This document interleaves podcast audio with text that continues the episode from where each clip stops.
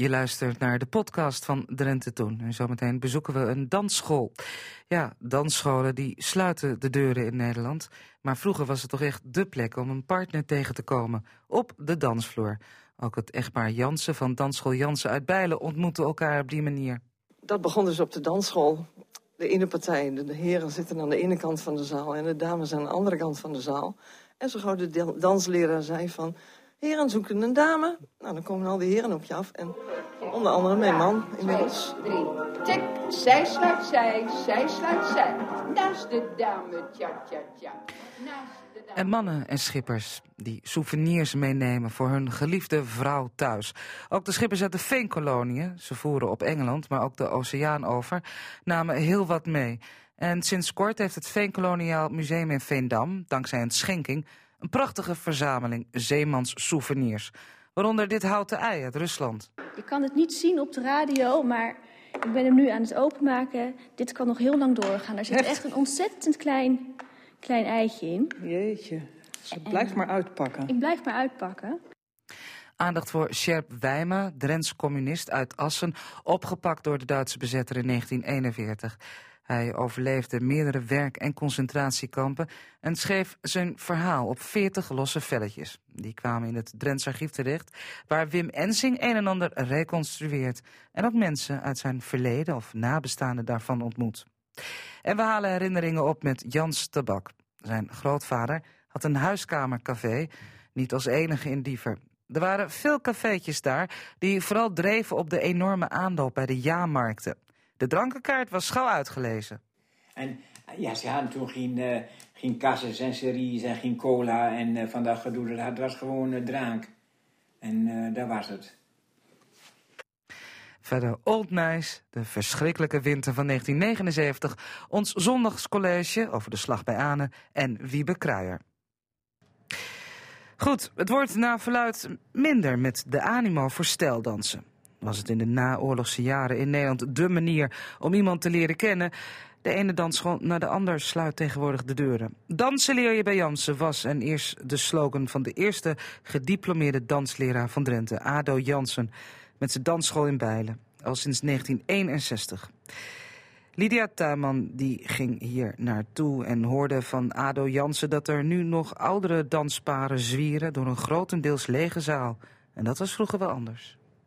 En ja, je kreeg een ruim aanbod van plaatsen waar je heen ging. Wij hadden wel 30, 35 plaatsen. Dus op een bepaald moment had ik eh, zeven mensen in dienst. Waar wij in de topjaren, in de, 80 jaren zeg maar, dat we daar gemiddeld eh, in de week 10.000 mensen hadden lopen op al die lesplaatsen waar we zaten. We hadden een aantal eigen scholen, Winschoten, Stadskanaal, Ter Apel.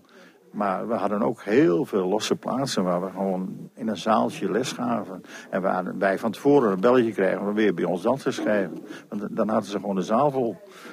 En, en op die manier eh, had je ook soms wel eens de aanmelding dat je wel honderd leerlingen op een avond kon krijgen. Waar je gewoon eens in een, een zaaltje erin kon proppen. En dan zei je, nou wacht maar tot januari of, of wacht maar tot september. Eerlijk ben je niet aan bod. Uh, 50, 60 in een ploeg was heel gewoon. En, en dat, dat ging uh, van jeugd tot de, de oudere, maar de oudere jeugd laten we noemen. Dus de 18, 20-jarigen, 25-jarigen. Maar ook de ouderen, de leeftijd van 40 en ouder.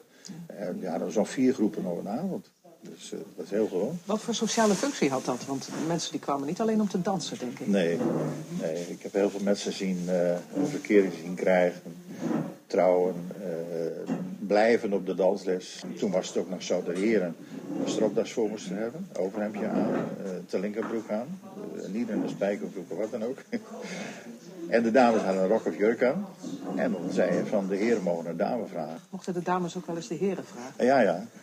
Dan zeiden wij altijd schrikkeldans. Hè. Dus dan uh, was het op dat moment, dames vraagt een heer. Als de heren de dame vroeg, had je een buiging.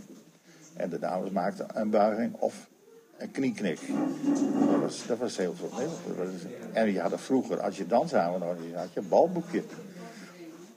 Balboekje? Ja. Wat was dat dan? Het balboekje dat werd aangetekend. Met uh, Peter, met Pieter, of met, met Suzanne gedanst of wat dan ook. Ja. En dan kreeg je een aantekening in een boekje, daar heb ik mee gedanst. Maar je moest ook eens een keer wisselen. En dan werden die dansen erin gezet. En dat was ook een stukje ervaring wat je al had. Dat balboekje, dat moest mooi volkomen. Ja, dat moest, ja precies. En En 1, 2, 3. Tik. Zij sluit, zij stap over. Tik. Draai. 2, 3. Tik. Zij sluit, zij. Zij sluit, zij. Doorgaan hoor. Uw naam? Renette Slag. En? U bent met z'n tweeën eh, heerlijk aan het, eh, aan het dansen hier. Eh, wat, wat is jullie lievelingsdans? Roomba. Ja. Voor mij. En u? Nou, ik vind de tango leuker. Eh, het ziet eruit alsof u dat al een hele tijd doet, want u bent verschrikkelijk geroutineerd. Nou, dat klopt. Het is al wel 50 jaar zo dat we dat doen. Onze eerste dansles was natuurlijk toen we 16 waren. Hè? Toen mocht ik voor het eerst naar dansles. Ik moest eerst zelf geld verdienen, want dan, eh, anders was het veel te duur. En vanaf dat moment zijn we gaan dansen. Of ben ik gaan dansen en heb ik hem ontmoet. En toen zijn we dus verder samen gaan dansen en getrouwd. En Hoe ging dat toen jullie elkaar leerden kennen? dat begon dus op de dansschool. De ene partij, de heren zitten aan de ene kant van de zaal... en de dames aan de andere kant van de zaal. En zo gauw de dansleraar zei van... heren zoeken een dame. Nou, dan komen al die heren op je af. En onder andere mijn man inmiddels. 3. Tik. Zij sluit, zij. Zij sluit, zij. Naast de dame, tja, tja, tja. Naast de dame, tja, tja, tja. Zij sluit, Nou, we lopen hier langzamerhand in de Boerhoorn in eh, Zuidwolde eh, allerlei mensen binnen. Want er wordt hier ook een dansles gehouden anno eh, 2017. Wat is er nog van over eigenlijk, van het dansschoolwezen? Nou, weinig. Jammer genoeg. Er sluiten elke dag eh, nog de bestaande dansscholen. Eh, we zijn eh, van de zeg maar 1200 georganiseerden in Nederland bij de tussen haakjes de bonden zijn er, nou, ik denk de helft inmiddels al wel gesloten. En de jeugd heeft geen belangstelling meer. Die wil liever naar een hip-hop, streetdance en dat soort dingen. En gevestigde dansorde, als, als de dansscholen die nu aanwezig zijn, ja, die willen eigenlijk wel dat soort lessen geven. We moeten apart mensen daarvoor in huren. Om, ja, wij komen ook op leeftijd. eh, en de, de jonge garde die het dan nog doet en die de lessen geeft, die beweegt zich meer in de wedstrijdsport. Eh, dus traint daarvoor. Alleen je moet wel nieuwe leerlingen krijgen om ook in die wedstrijdsport te voeden. Dus als je kijkt nu naar de vrije, zoals wij het dan noemen, de grijze golf, ik ben er ook één van, maar dat maakt niet uit. Eh, dan zie je gewoon dat eh, dit zijn de vasthouders nog. Maar goed, komt er één te overlijden, dan gaat vriend of kennis gaat er vaak ook over. En dan is het over. Mevrouw Jansen, wat gaan we nou doen? De quickstep. De quickstep. Ja. Er zijn er al een paar eh, op de dansvloer, die zijn al onderweg. Ja, die beginnen altijd gelijk. En die andere die wil nog eerst even die koffie opdrinken. Dus het, het, het moet hier niks. Je mag hier al. Dus. Komt ie. Heer gaat er weg. Dame links. 1, 2, 3, 4. Zij. Voor terug. Het is gewoon hartstikke leuk. Er is niks aan om op een dansvloer te staan met beatmuziek en van het ene voetje op het andere voetje te wippen. Dat is geen dansen, dat is gewoon leuk bewegen. Nee, eigenlijk stelt het niks voor. Zo mooi samen, zo synchroon over die dansvloer glijden, dat is... Ja, en ook echt moeite ervoor doen om je figuur perfect uit te voeren. Je krijgt figuren, je, je leert die. Je begint met een basis. En dat ga je dan uitwerken. En dat is gewoon geweldig leuk als dat lukt. En als het niet lukt, is het jammer, maar helaas. De jeugd doet zichzelf tekort, feitelijk. Vind ik eigenlijk wel, ja.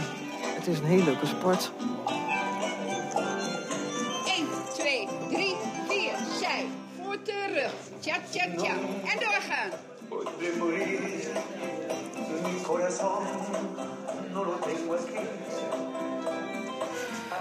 Ja, u hoorde Renette Slag aan het dansen in een reportage van Lydia Tuinman... samen met haar man en danspartner Harry Slag. Vandaag 10 februari start in Cultuurhuis De Klinker in Winschoten... een bijzonder podiumproject. Of eigenlijk zijn ze ermee bezig, want daar gaat het muziek- en theaterstuk Streekgenoten eh, van start. Eh, streekgenoten... U heeft het eh, misschien onlangs bij ons in de uitzending gehoord. Daarin staat het leven van vroegere muzikale Joodse families uit de Drentse en Groningse veenkoloniën centraal. Het is een boordevolle uitzending met liedjes, vertellingen, met klezmermuziek en klassiek en dans, geloof ik, ook nog. Maar ik ga het vragen aan Beno Hofman. Hij is historicus en verteller op het podium bij het muziektheaterstuk. Eh, Beno, hallo. Uh, goeiedag. Goeiedag. Zeg, uh, we hebben het er onlangs over gehad, maar voor de mensen die dat gemist hebben. Het gaat over uh, muzikale Joodse families uit de Drentse en Groningse veenkoloniën. Ja. Ja, het is een heel bijzonder project. Het is allemaal begonnen met een idee van uh, Lubertus Leutscher van het Veenkoloniaal Symfonieorkest, het orkest van de Veenkoloniën. En die heeft Bert Hadders, de Groninger singer-songwriter. Nou ja, eigenlijk is hij Drent, maar Ja, hij wordt meestal als Groninger Ja. singer-songwriter gezien. En, en mij benaderd eh, om dit verder vorm te geven.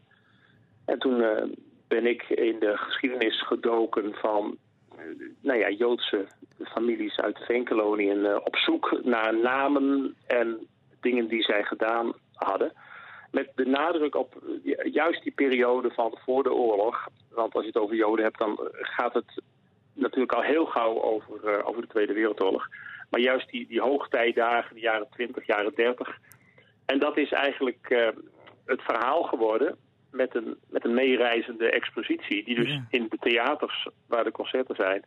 En een paar weken ervoor dan ook te zien eh, is. Ja, en die tentoonstelling, die reizende expositie, die heb jij samengesteld, hè? Ja, Ja. ja klopt. En daarin eh, komen ook Joodse families uit Drenthe en Groningen tegen. Ja. Dat is heel bijzonder. Eh, dat, maakt het ook een, een geladen voorstelling. Maar merk je dat ook als je in de zaal zit? Hoe ervaar je dat? Wat is jouw indruk? Nou je? ja, dat is er natuurlijk altijd wel bij. Maar we proberen het ook door de soort muziek... eh, proberen we het echt eh, vrolijk eh, te houden. Pas aan het eind eigenlijk in de voorstelling...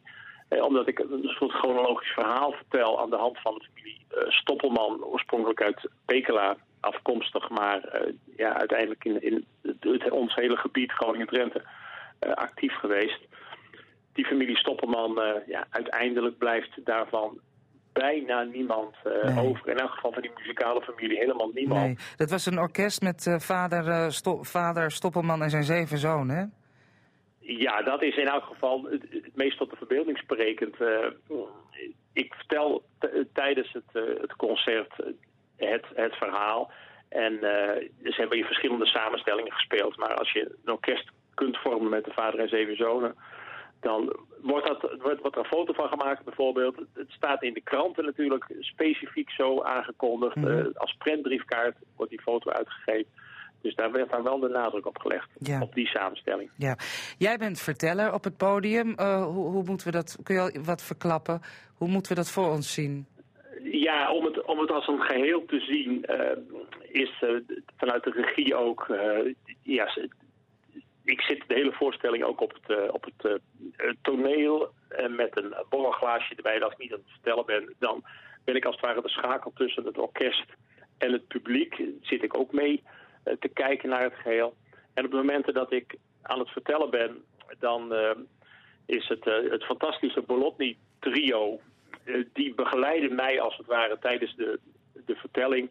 En daarmee ja, suggereren wij als het ware dat zij dat, dat Ja. Stoppelman orkest ook zijn. Ja, maar jij gaat verder niet dansen of zingen? Nee, nee, nee. dat- het, is, het, is, het is, heeft zoveel kanten, een expositie, er komt ook een boekje uit. En jullie gaan ook nog naar Westerbork, eh, herinneringscentrum Kamp Westerbork. Kun je vertellen wat daar gaat gebeuren? Ja, dat is dan eh, een overgang naar een, een volgend eh, project. We hebben een samenwerking met uh, Narare. En Narare die eh, halen verhalen van, eh, nou ja, eh, ja, je, zou kunnen zeggen ooggetuigen, maar in veel gevallen zijn dat natuurlijk inmiddels uit tweede of derde hand herinneringen. En na die voorstelling, die we dus eigenlijk samen met de Stichting Narare doen in Westerbork, gaat het vervolgens verder met een serie performances die die stichting Ja. met Roodpaleis Ja. doet. Eh, het Roodpaleis, Betsy Torenbos kennen wij hier ook. Ja. Ze hebben kantoor Ja. hier in Assen. Die doen ook veel met eh, overlevering, verhalen Ja. enzovoort. Nou, het is, als, als je nou luistert, je hebt geen idee, ga er maar gewoon heen. Dan wordt het je vanzelf eerste- duidelijk. De eerste keer eh, die, die nu komt is in Hoogveen, in de Tamboer. Eh, dus dat is wel eh, even Ja. leuk. Eh, volgens mij zijn er nog wel kaarten voor. 24 februari Ja. in de Tamboer in Hogeveen. Dan komen jullie nog in Stadskanaal, in Westerbork, in eh Gasselte, Groningen, Valtermond, Klasinaveen, Noord, et cetera. Dat staat allemaal op de website. Nou ja, dan moet je gewoon even googlen op streekgenoten. En anders dan bel je ons maar bij RTV Drenthe. Beno, ik wens je ontzettend veel succes. En die hele grote groep mensen die, die meedoet ook.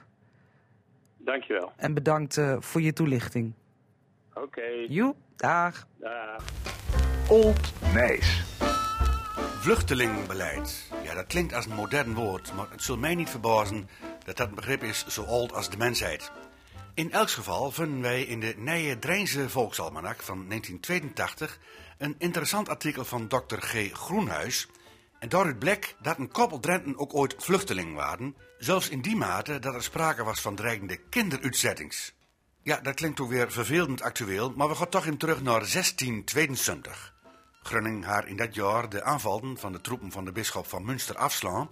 Maar de oorlog was nog niet voorbij en een stroom vluchteling van Drenthe kwam op gang naar de stad. In mei 1673 veroverde bisschop van Galen Gramsbargen, met de bedoeling van daaruit Koeven van Nij aan te vallen. In de zomer van 1673 braande Doln nagenoeg helemaal af. Best te begrijpen dat veel Drijnse vluchtelingen in Grunning toen nog niet naar huis wilden. Een aantal van hen is wel heel erg lang in de stad bleven, schrijft Dr. G. Groenhuis. In 1680 werden in het zogenaamde Groene Wezus in Grunning nog Drijnse kinderen verzorgd die acht jaar eerder al naar de stad komen waren. In datzelfde jaar klaagde de diaconie dat ze ook nog altijd bejaarde vluchtelingen uit Drenthe moesten onderhouden. Voor de Grunniger kerk waren de berooide Drijnse vluchtelingen een zware last.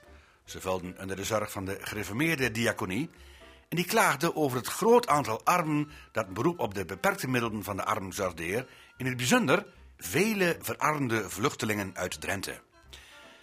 Ook de Drijnse drost en gedeputeerden van Drenthe waren vlucht en hun secretaris, de heer Zichterman, was ook in Grunning.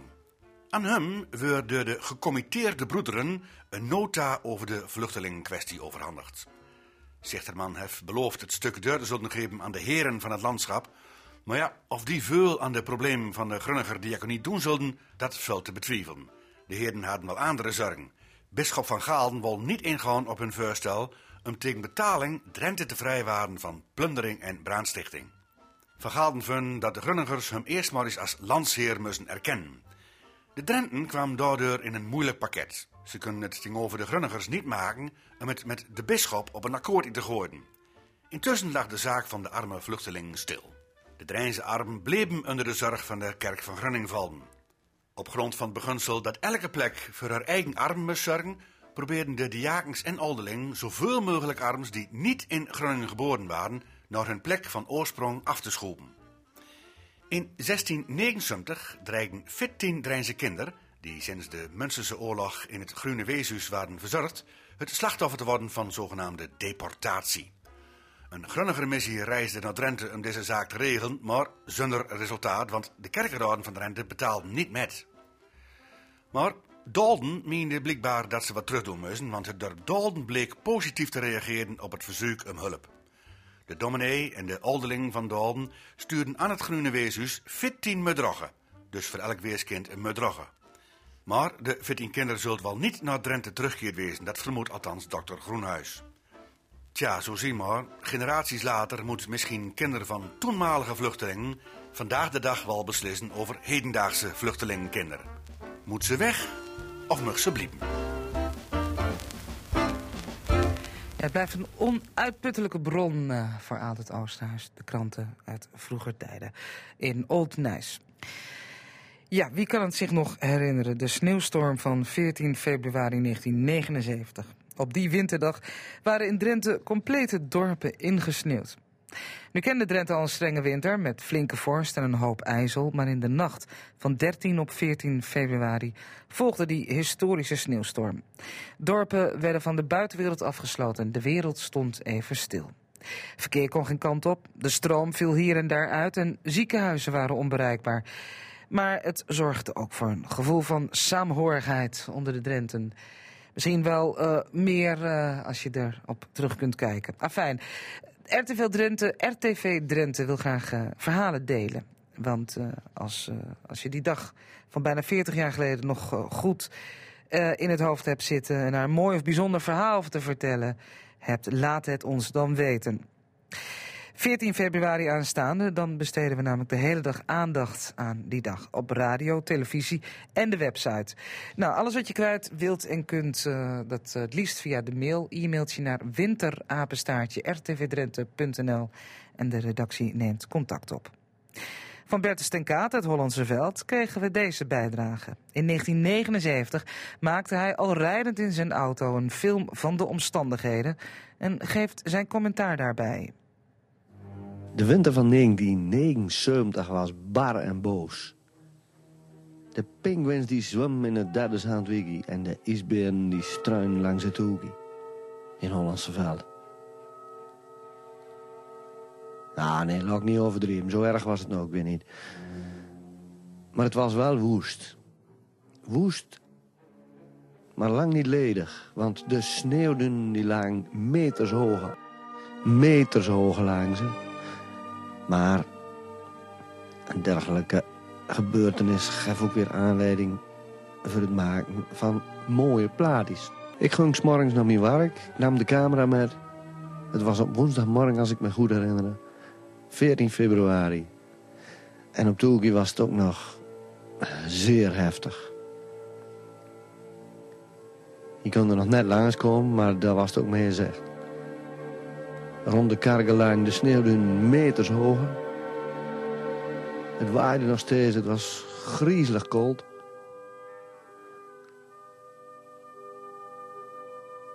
Mevrouw Ali Metzelaar die kan nauwelijks de straat overkomen.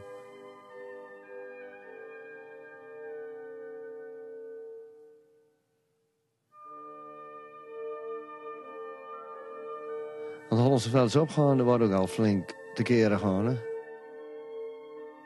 De routenwissers aan de snijweg te halen, hier rechts, voorheen de barakken. En dan net het huis van de Vries en van de Vinnen. Het wijdt op dat moment nog een beetje over de weg heen. Maar overal in de omgeving ligt al enorme dun.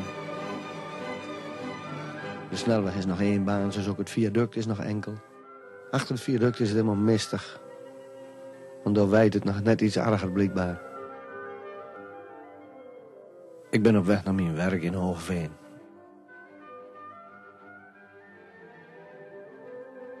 En hoewel het niet metvalt, ben ik niet de enige. Alleen zit ik in de auto met de camera in de hand... en probeer hier iemand op te fietsen. Denkt viaduct op te komen, maar dat lukt ook nog niet erg. Dus dan maar lopen. Er is nog verkeer bij de weg, maar alles en iedereen dat heel voorzichtig. De boom die hier nog te zien is, is ondertussen ook verdwenen. In de verte zien we vaag het kerkje van Hollandse Veld, de kerktoren moet ik zeggen. Waar het niet meevalt om in de auto de camera goed stil te houden. Ja, te zien op YouTube uh, deze beelden van Bertus ten Kaat. En zoals gezegd, de barre winter van 1979, 14 februari aanstaande, besteedt RTV Drenthe daar op alle mogelijke manieren de hele dag aandacht aan. Jans de Bak woont al zijn hele leven in Diever en hij kan daar van alles over vertellen. Veel oude verhalen. We hebben er al een paar van uitgezonden de afgelopen maand. En het meeste komt via de opa van Jans, want die vertelde zijn kleinzoon allerhande verhalen en anekdotes over hoe het er daar vroeger aan toe ging. Kleinzoon Jans die prent het allemaal in zijn geheugen en vertelt het nu door aan ons. Bijvoorbeeld over de jaarmarkten in Diever en de gang van zaken in het huiskamercafé van zijn grootvader. Nou, Diever had, uh, die hadden een, een oktober, een meimarkt en een oktobermarkt, maar vroeger heeft Diever ook nog een aantal kleine markten gehad. Uh, in mei hebben ze nog een markt gehad en in juli was er nog een markt. Maar de, de, de herfstmarkt, de oktobermarkt was de grootste markt. In Dwingel is nog de markt nog steeds, in Diever al, al jaren niet meer. Maar Diever heeft, de markten van Diever bent vroeger groter geweest dan die van Zuidlaren. Die hebben echt een hele, hele grote markt gehad. Want wij hadden hier ook, waar, waar ik nou woonde, wij hadden ook een uh, café. café. En uh, uh, dan vertelde mijn grootvader nog bij dan gingen ze een dag of twee dagen van de vuur gingen ze naar eh, heideveld een plaggen te stikken. Dat waren heideplaggen en die, worden dan, die, ze dan, die, die stuurden ze dan. En die kwamen dan op, bedelen, op een kop op bedelen te liggen. En dan een dag van de vuur kwam eh, die Friese kooplui al met de paarden hier naartoe. En die stonden dan op een stal, op het delen zeg maar. En dan gingen ze midden in de markt de, de volgende dag. Dus Diever had een hele grote... Daarom had ook hier veel cafés toen in Diever. Met eh, wat een café, wat die ook volledige vergunning hadden. Wij hadden ook een volledige vergunning hier. Wat, wat, wat gebeurde nou met die plaggen dan? Want dat was maar even... Was de, de meeste delen waren van lijm. Ja. En daar was die plaggen beschermd, dat. En als die pieren gewoon krabben, dan krabben ze het lijm kapot. Dus daar kwamen de heideplaggen op, eh, op de delen te liggen. En dat heeft mijn opa zeker verteld. Dan gingen ze een dag of twee dingen van de vuur in een heideplaggen stikken. En die kwamen op de delen te liggen. En dan bleef het mooi heel. Ook Dan bleef het heel, ja, ja. En dan, ja, dan haal je, dan haal je eh, ja, hoeveel cafés uit, waar niet het even, ach, eh, misschien wel een stuk of tien. Eh, met zulke marktdagen. Je hebt ook, ook mensen die alleen nog met een marktdag een café. En die hadden ook mensen die altijd een café hadden. Maar dan moet je natuurlijk niet denken, we, hebben wel hier wel een café gehad, maar eh, dat was natuurlijk gewoon een, een huiskamercafé. dus eh, eh, er soms geen volk aan de bar. Want dat hadden ze niet eens. Dus eh, het was meer gewoon eh, voor de borrels en zo. Maar ik heb nog wel een eh, oud boek. Dat er ook wel vergaderingen gehouden worden hier in het café. En is dat dan deze kamer waar we nu Ja, het zitten? is deze kamer, ja. Ja, dat is ook een mooi grote kamer. Daar kan je ook best met een eh, aantal mannen om de tafel Ja, heen kijk, zitten. en, en nou, nou stiet er natuurlijk ook veel meer... eh, maar vroeger hadden ze de stoel allemaal aan de kanten langer staan. Dus zo was er ook meer, eh, meer ruimte natuurlijk. Er werd nou veel meer in de, in de kamer staan als toen natuurlijk. Maar ja... En welke tijd praten we nu over, dat dat café hier was? Nou, er was ook tot, tot 1910 of 1912 heeft het café hier geweest. En, en ze bent er eigenlijk met onderscheid, want vroeger was het zo als dan eh, eh, de koen, die worden, eh, die worden eh, s'morgens naar het later gebracht en s'avonds weer opgehaald. En die worden s'avonds bij huizen melken. En dan moesten die vrouwen moesten vaker melken, want die mannen waren dan op, op het laat aan het werk. En dan gebeurde wijs dat, dat mijn overgrootmoeder eh één of twee in het café had zitten, voor een borrel. Maar en ze moest melken. En ze kon niet bij die twee kerels weg die in café zaten. Dus die had zoiets van, ja, het schudt zo niet op. Want dan heb ik er twee zitten, die, die koopt misschien de man twee borrels. En, en ik moet nog melken, dus toen ben ze ermee gestopt. Maar mijn opa, die, eh, ja, die wist het allemaal nog heel goed te vertellen hoe het, eh, hoe het ging. Ja, een volledige vergunning. Wat wer- werd er dan geschonken, weet je dat? Nou, je hebt een volledige, je hebt een, je hebt een verlof en een volledige vergunning. En een volledige vergunning, dan mag je ook sterke drank schikken. En bij een verlof is zwak alcoholisch. Dat is wat lichter. Dus die hadden, mensen die hadden een verlof en die hadden een volledige vergunning. En ze hadden hier een volledige vergunning. En wat dronken de Drentse dorpelingen zoal? Nou, het was meestal jenever. Jenever op brandewijn met suiker. Dronken ze ook wel. En natuurlijk melken ze, dat verkochten, maar ze melken natuurlijk met brulfen en zo. Dan je natuurlijk altijd de, de, de boerenjongens die je melken. Maar die, die melken ze dan in, eh in Keulse potten met brandewijn, eh, brandewijn op rozijnen. En dat was eigenlijk eh, ook een vrouwenborrel. Druk man dacht ook, maar er was meestal eh, een glasje brandewijn op was meestal voor de vrouwen. En ja, ze hadden toen geen, eh geen en series en geen cola en van dat gedoe. Het was gewoon drank. En daar was het. Ik praat met Wim Mensing van het Drentse Archief over eh Sjerp Wijma, communist, 1941 opgepakt. Hij was raadslid in Assen. En eh, waarschijnlijk na de oorlog schrijft hij alles op en met gevoel voor detail. Hij noemt namen. Hij, hij schuwt ook gruwelijke gebeurtenissen niet, heb ik begrepen. Nee hoor, nee. Nee, hij spaart de lezer niet. Kun je een voorbeeld geven, Wim? Ja, ehm, op een gegeven moment beschrijft hij dat. Kijk, die barakken waar ze in zijn verbleven waren altijd overvol. Maar als ze dan heel erg overvol waren, nou, dan werd er nog wel eens. eh, door doktoren gingen ze de barak in en willekeurig gaven ze iemand dan een spuitje met benzine erin of eh, dergelijke. En Sjerp Wijmer zegt, dan liepen ze nog twee, drie stappen en dan vielen ze dood om. Dat soort dingen gebeuren. Ja, ja daar kun je geen voorstelling eh, van maken. Ehm, goed, hij heeft het overleefd. Jij, eh, ik maak even een enorme stap in de tijd. Op een gegeven moment komt dat document via de familie bij jou terecht. Ja. En eh, ja, die namen. Ik, ik, ik, ik heb die lijst hier. Dan dan staat er een voornaam, meestal geen achternaam. En de functie wordt omschreven. Maar dat gaat van een Duitse kampcommandant tot een, eh, het, het hoofd van de school, eh, marktkoopman, eh, politieagent. Dit zijn mensen die hij is tegengekomen gedurende zijn verblijf in de kampen. Niet alleen tegengekomen, maar die hij ook gesproken heeft. Nou ja, hij ze- zegt wel de puttenaren heeft hij ook nog gezien. Hè? Die, die, die heeft hij misschien niet gesproken, maar de, meeste heeft hij gewoon gesproken. En, en zich herinnert ook na de oorlog. Er heeft natuurlijk veel meer mensen gesproken, maar deze herinnert hij zich in het verhaal. Ja, maar wat bijzonder dat hij de tegenwoordigheid van geest heeft gehad na de oorlog... om dat allemaal zo secuur Ja. en gedetailleerd Ja. mogelijk eh, op te schrijven. Ja, Alsof hij wist dat het later van belang zou worden. Ja, misschien, maar eh, het was wel iemand die, eh, die oog had voor dat soort details. Dat, dat is mij wel duidelijk gewoon. En die met een ijzeren geheugen, ondanks de fouten die hij maakt, maar met een ijzeren geheugen daarmee bezig is. En dat ook, denk ik, voor zichzelf heel gedetailleerd wil doen. Ja, jij hebt geprobeerd om die mensen te traceren, om ze op te zoeken. Ja, nou, we hebben die namen uit dat document gehaald. eh, en die op een aparte site gezet. Die site hebben we gevraagd aan collega-archieven. eh, zoals die uit Groningen en eh, Friesland natuurlijk. Maar ook Vrienden van Nooiengamme, eh Kamp Amersfoort. Hebben we gevraagd om op hun website een verwijzing naar het archief te geven. Naar het document van Sjerp Wijma. En dan kunnen mensen dus aan het Drentse archief vragen... wat zegt Sjerp Wijma over mijn voorvader? Ja. Heb jij al reacties gehad? Ja, er zijn eh, tot nu toe vier reacties geweest. Eh, vier mensen eh, waarvan de nabestaanden dus contact met ons hebben opgenomen... en gevraagd hebben, wat vertelt Sjerp Wijma over mijn vader? Ja, en, en die ontmoetingen zijn er ook daadwerkelijk geweest tussen die mensen en Sjerp Wijma. Dus Ja. jij kon ze verder helpen. Ja, ik kon ze, ja het, zijn, het zijn kleine dingen. Eh, natuurlijk, we praten niet over dat, eh, de complete biografieën van nee, die maar kun je een voorbeeld geven? Ja, ehm, de meest recente eh, was Philip van Egmond. Philip van Egmond wordt genoemd in het document van Sjerp Wijma. En ook op een aparte manier, want Sjerp die zegt... wij hadden in het kamp, Schorel was dat... hadden wij ook Philip van Egmond... en die heeft een tekst gemaakt om een bestaand, bestaande melodie... over onze situatie in Schorel. Ehm, en Sjerp Wijma herinnerde zich dus die tekst en heeft die ook opgeschreven. Toen kreeg ik een telefoontje van de familie van Philip van Egmond, die eh, de oorlog niet overleefd heeft.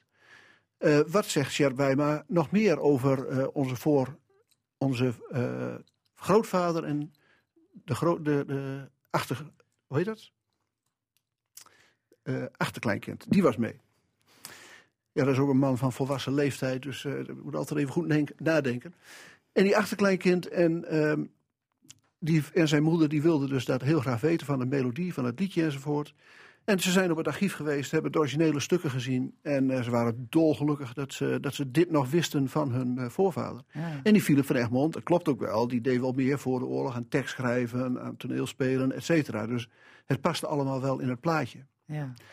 Nou ja, en die anderen die, die er geweest zijn, eh, ja, die hebben allemaal enthousiast gereageerd dat er nog iets over hun voorouder bekend werd. Betekent het ook wat voor jou om, om al die mensen te kunnen herleiden? Om, Nou om het compleet te maken? Afgezien van die lijst, eh, die, die te vinden is op eh www.drentsarchief.nl-sjerp Wijma, afgezien van die lijst, hebben nog zo'n 20, 25 mensen wel contact met ons opgenomen of wij iets wisten van, van nou ja, weer van een voorouder. Ja, en in die gevallen moesten we eigenlijk iedere keer nee zeggen. Nee. Eh, maar we praten ook over duizenden mensen. Toen Nooiengamma ontruimd werd, waren dat 9000 gevangenen, waarvan vele Nederlanders.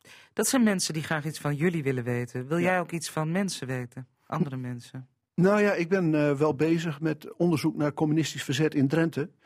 Naar aanleiding van de boeken die over Friesland en Groningen gemaakt zijn.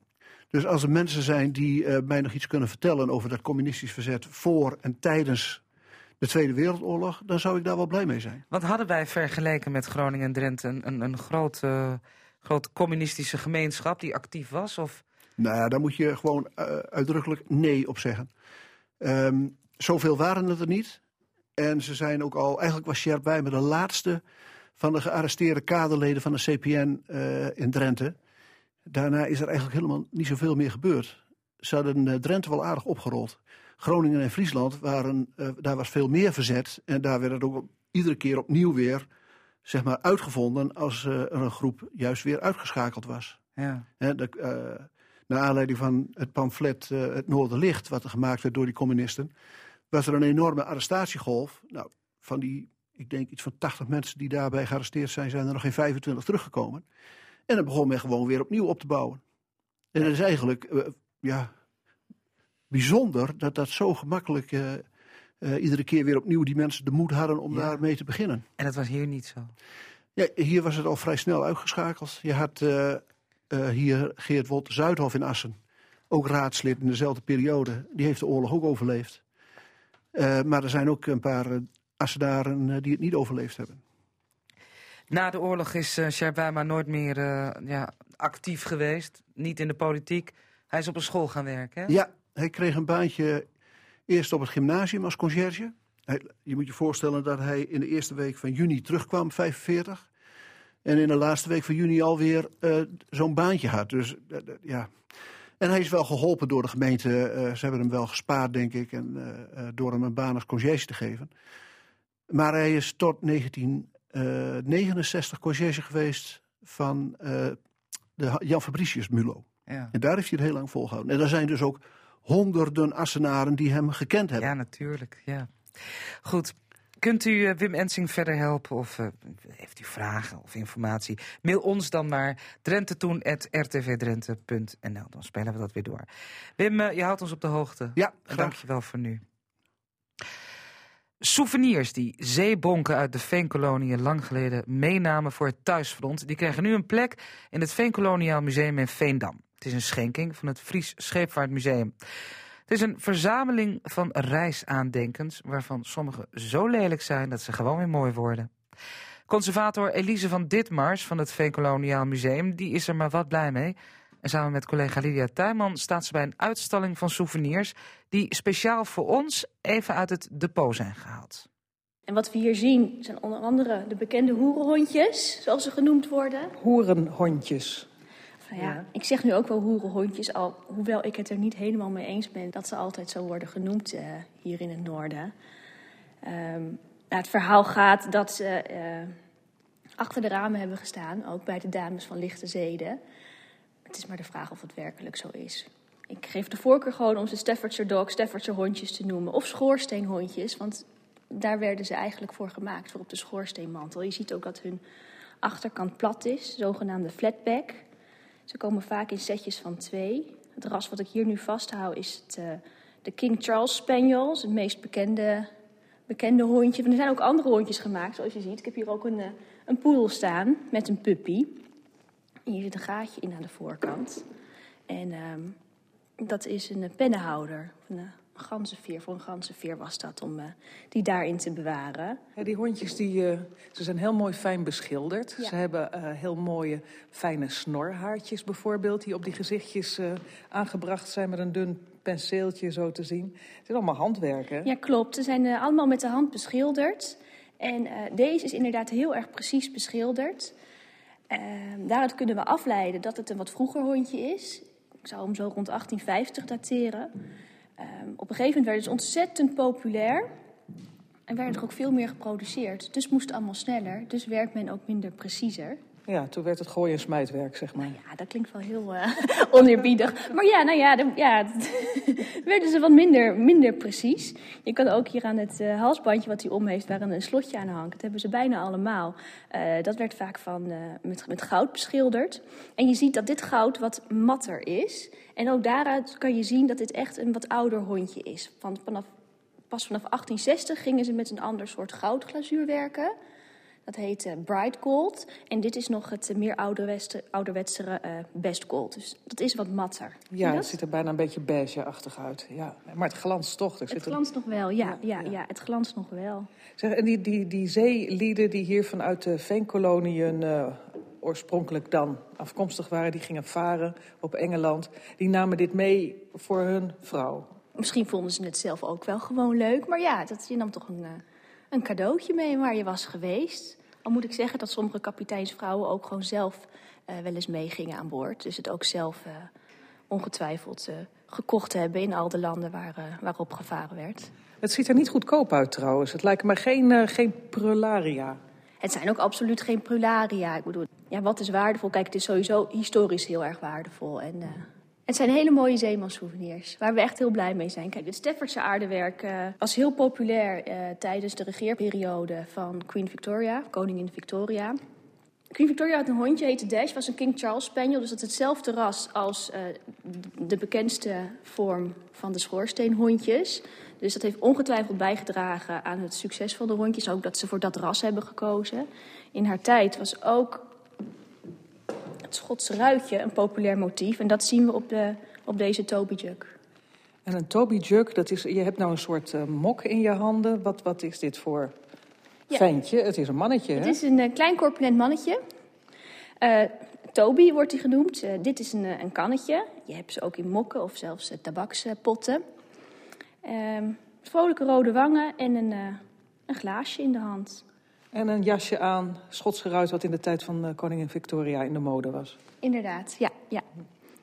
Nou, dan heb je nog meer spullen hier op tafel uitgestald, speciaal voor mij. Heel aardig. Wat, uh, wat is dit? Dit zijn mooie schilderijtjes. Uh, ja, dit is inderdaad een, een schilderijtje, maar het is niet geschilderd. Het is een collage van vlindervleugels. En daar hebben ze een, een papegaai van gemaakt. Oh, die arme vlinders. Die zijn. Oh. Ja, ja dat, uh, ik, zou, ik zou het nu ook niet meer doen. Maar ja, dat, dat gebeurde vroeger. En uh, ja. deze komt uh, uit Argentinië of Brazilië. Zeg maar de verdere reizen die naar het zuidelijke halfrond werden gemaakt. Ja, het zijn twee in, in hout ingelijste schilderijtjes van ja. twee papegaaien die ja. elkaar aankijken. Ik kan me voorstellen dat je dit haast in een scheepsinterieur zou kunnen passen, omdat ze zo schuin zijn afgesneden. Ja, dat zou kunnen. Het is inderdaad een, uh, een wat afwijkend, uh, afwijkend formaat. Dus het zou heel goed uh, kunnen. Ja. Vlindervleugeltjes op, op, op een soort linnen zijn ze geplakt. Ja. ja. En kijk, dit is ook van vlindervleugels gemaakt. Hier staat zelfs Rio onder. Komt uit Brazilië. Een, oh, ja. een landschapje.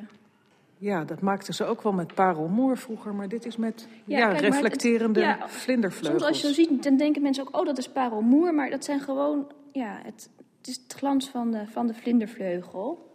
Ja, en nu we toch in de metallic. collages zitten.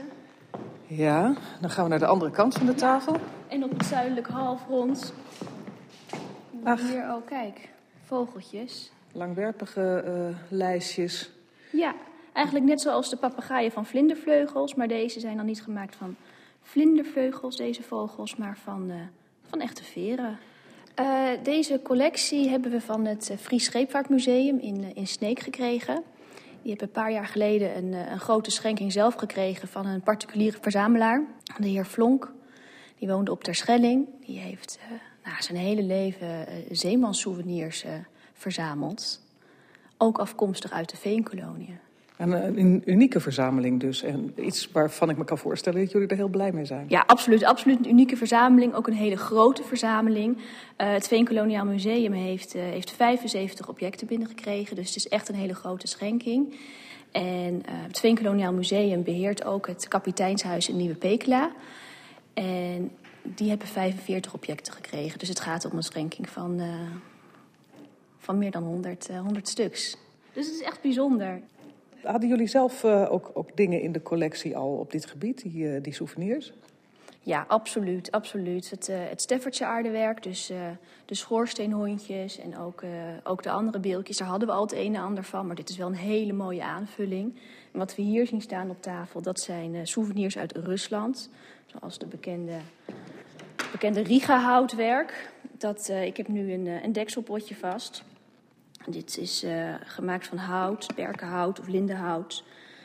Um, beschilderd met uh, een uh, rood-zwart rood bloemmotief. Ja, dat is een heel mooi. Het is een soort volkskunst, hè?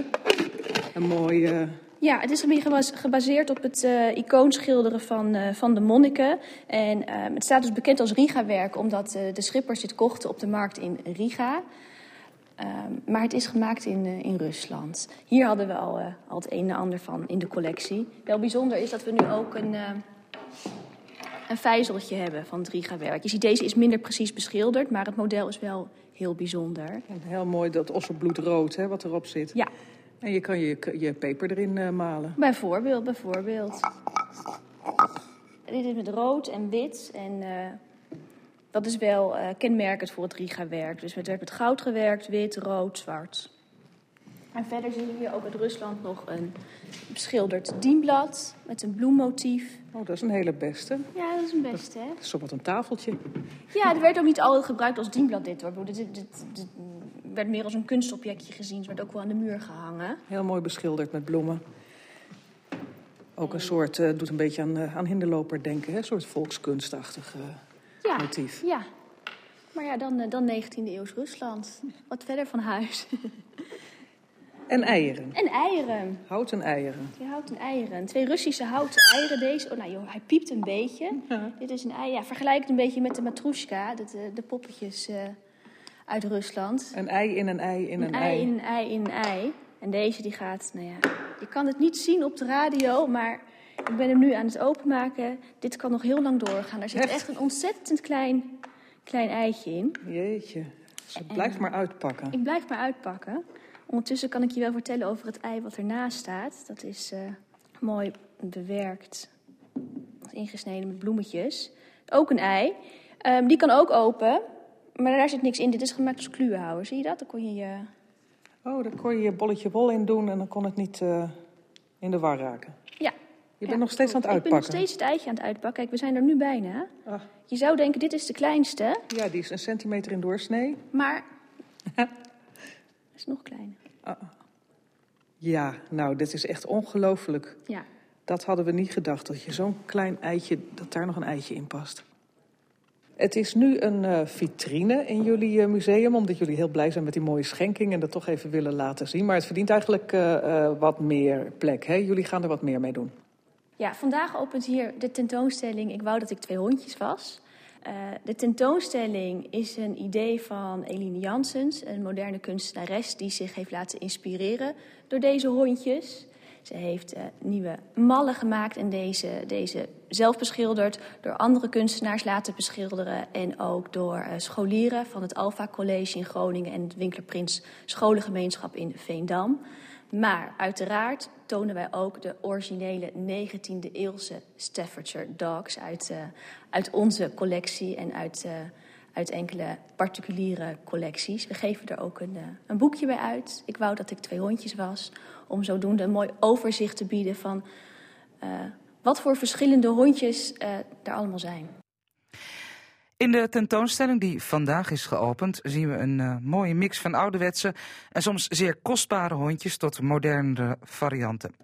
En net als in de tentoonstelling in Sneek in 2017 gaat het om de wil om niet vergeten te worden. Want ze zijn immers aan een geliefde thuisblijver geschonken, zodat die de zeeman die weliswaar uit het oog was niet uit het hart zou verliezen. De tentoonstelling is te zien in het Veenkoloniaal Museum in Veendam tot en met 26 mei van dit jaar. Wij zijn toegekomen aan het zesde en laatste zondagmiddagcollege alweer van professor Dr. Peter Hoppenbrouwers. Wij mogen Peter zeggen. En vandaag gaat het over hoe men in Drenthe de defensie op orde had.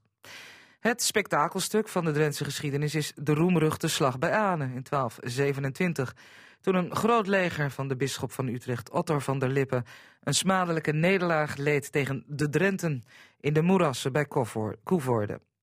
En welke rol het Drentse volksleger in deze bloedige slachtpartij heeft gespeeld, zullen we nooit precies weten. Maar dat het aan de slag deelnam, staat vast. Het land werd immers aangevallen en in die situatie hadden alle weerbare mannen de plicht tot landsverdediging of landweer. Dat was overal in middeleeuws Europa zo. Bij militaire operaties buiten de landsgrenzen werden lang niet altijd volksmilities ingeschakeld. En als dat wel het geval was, golden heel andere spelregels.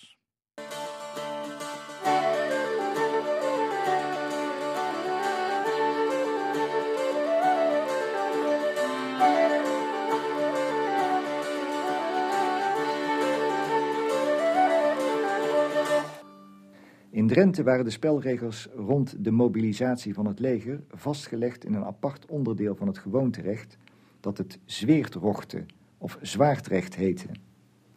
De leiding over de lokale mobilisaties lag bij kerspelschouten. De weinige edelen die Drenthe telte kwamen apart op en vormden de kern van de riddercavalerie. Overigens moeten we oppassen met te denken dat de boeren uitsluitend vochten met knuppels, rieken en zeisen. Überhaupt gereedschap waarmee je vooral jezelf kunt verwonden. De bron over de slag bij Anen spreekt van speren, bogen en zwaarden. En dat zal toch meer de realiteit zijn geweest. Getuige ook een vonnis van de Edstoel tegen twee mannen die bij de jaarlijkse wapeninspectie hun harnas, boog en de andere wapens niet op orde hadden. Verder weten we dat de verplichting tot landweer slechts drie dagen en drie nachten duurde. Wie echter niet kwam opdagen, kon een hoge boete tegemoet zien. En wie voortijds de benen nam, gold onherroepelijk als deserteur. Gedurende de tijd dat het leger gemobiliseerd was, was in het land een soort van noodtoestand van kracht. Bedoeld om de achterblijvers te beschermen en financiële en andere verplichtingen van de strijders op te schorten.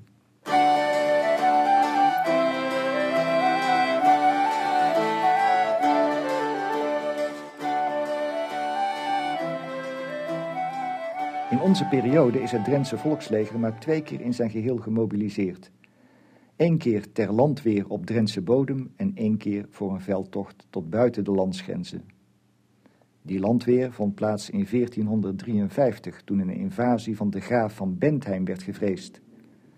Echt in actie kwam het leger niet, ondanks een Bentheimse aanval op de dorpen Roswinkel en Schonebeek. Drie jaar later verleende het Drentse leger steun aan de stad Deventer, die werd aangevallen door de toen nog omstreden bisschop van Utrecht, David van Bourgondië. En verder weten we dat in de jaren 1420 Drentse ruiters de Oost-Friese hoofdeling Fokko Ukkena hebben geholpen bij diens poging om zich meester te maken van de stad Groningen en dat in 1512 600 boeren zijn opgetrommeld door drost Adolf van Rechteren om hem bij te staan in de belegering van het kasteel van Koevoorde. Daarnaast was het gebruikelijk dat de weerbare mannen lokaal werden ingezet, namelijk om gewapende assistentie te verlenen bij de jacht op dieven, moordenaars of bandieten die het land onveilig maakten, soms nadat ze zich openlijk tot vijand van Drenthe of van specifieke inwoners van Drenthe hadden verklaard. Dit kwam rond het midden van de 15e eeuw zo vaak voor dat bijzondere maatregelen moesten worden afgekondigd. Er werden nachtelijke wachtposten uitgezet, twee tot drie per dorp. En er werden premiejagers gecontracteerd, die konden rekenen op een bonus van één braspenning per boerderij, plus de helft van dat bedrag per keuter voor elke rover die werd gevangen of gedood.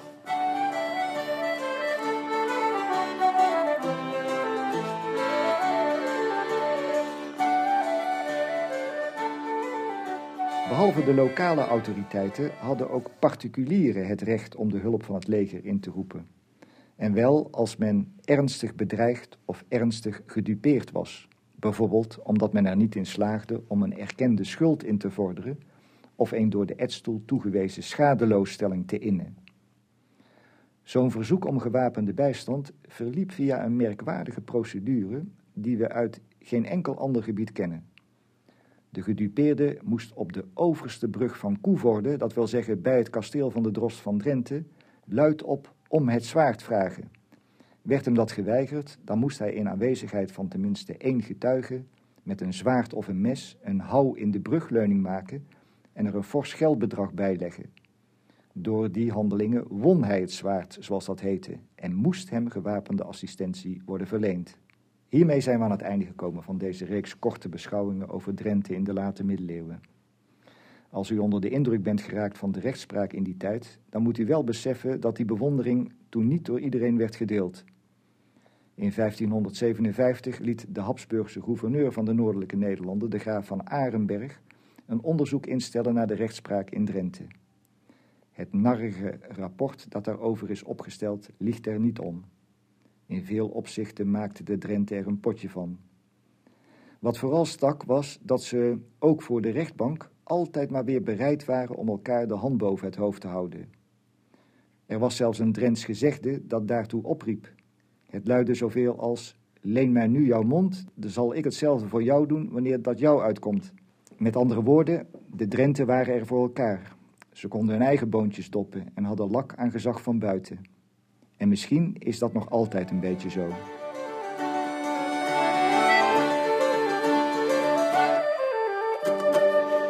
En vanaf deze plek lof en dank voor professor Dr. Peter Hoppenbrouwers. En we vonden het een eer dat hij ons zes keer trakteerde op een mini-college. Nu hoorde trouwens een bijdrage van Lydia Tuinman.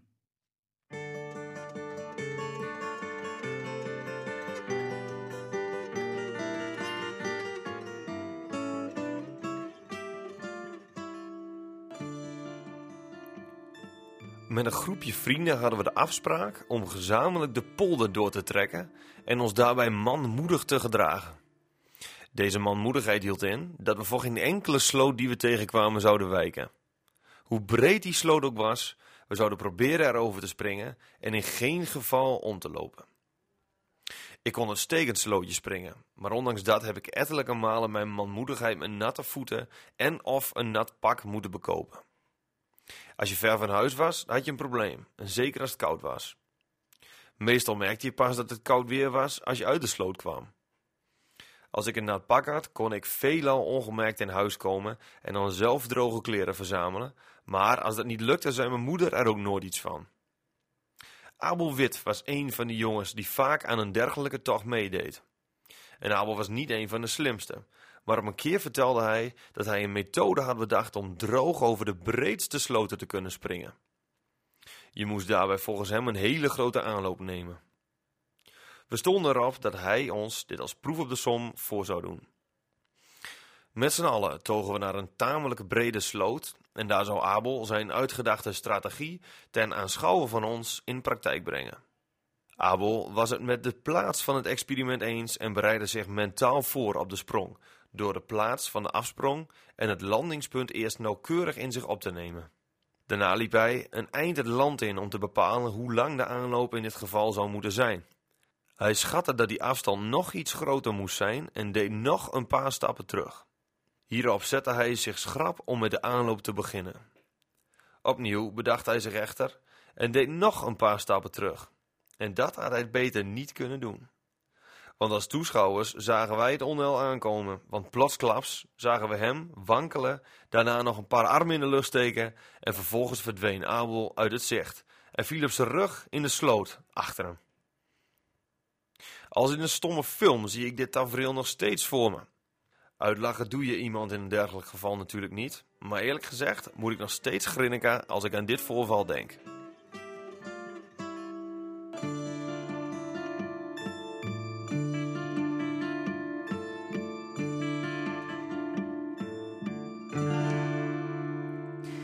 Met een jeugdherinnering van Wiebe Kruijer, voorgelezen door collega Robert Oosting, eindigen we deze Drenthe Toen. Je luisterde naar de podcast van Drenthe Toen. Luister ook eens naar onze andere podcasts. Radio Westerbork bijvoorbeeld. Of die van Casata of de Sportcast. En het is leuk als je eens laat weten wat je ervan vindt.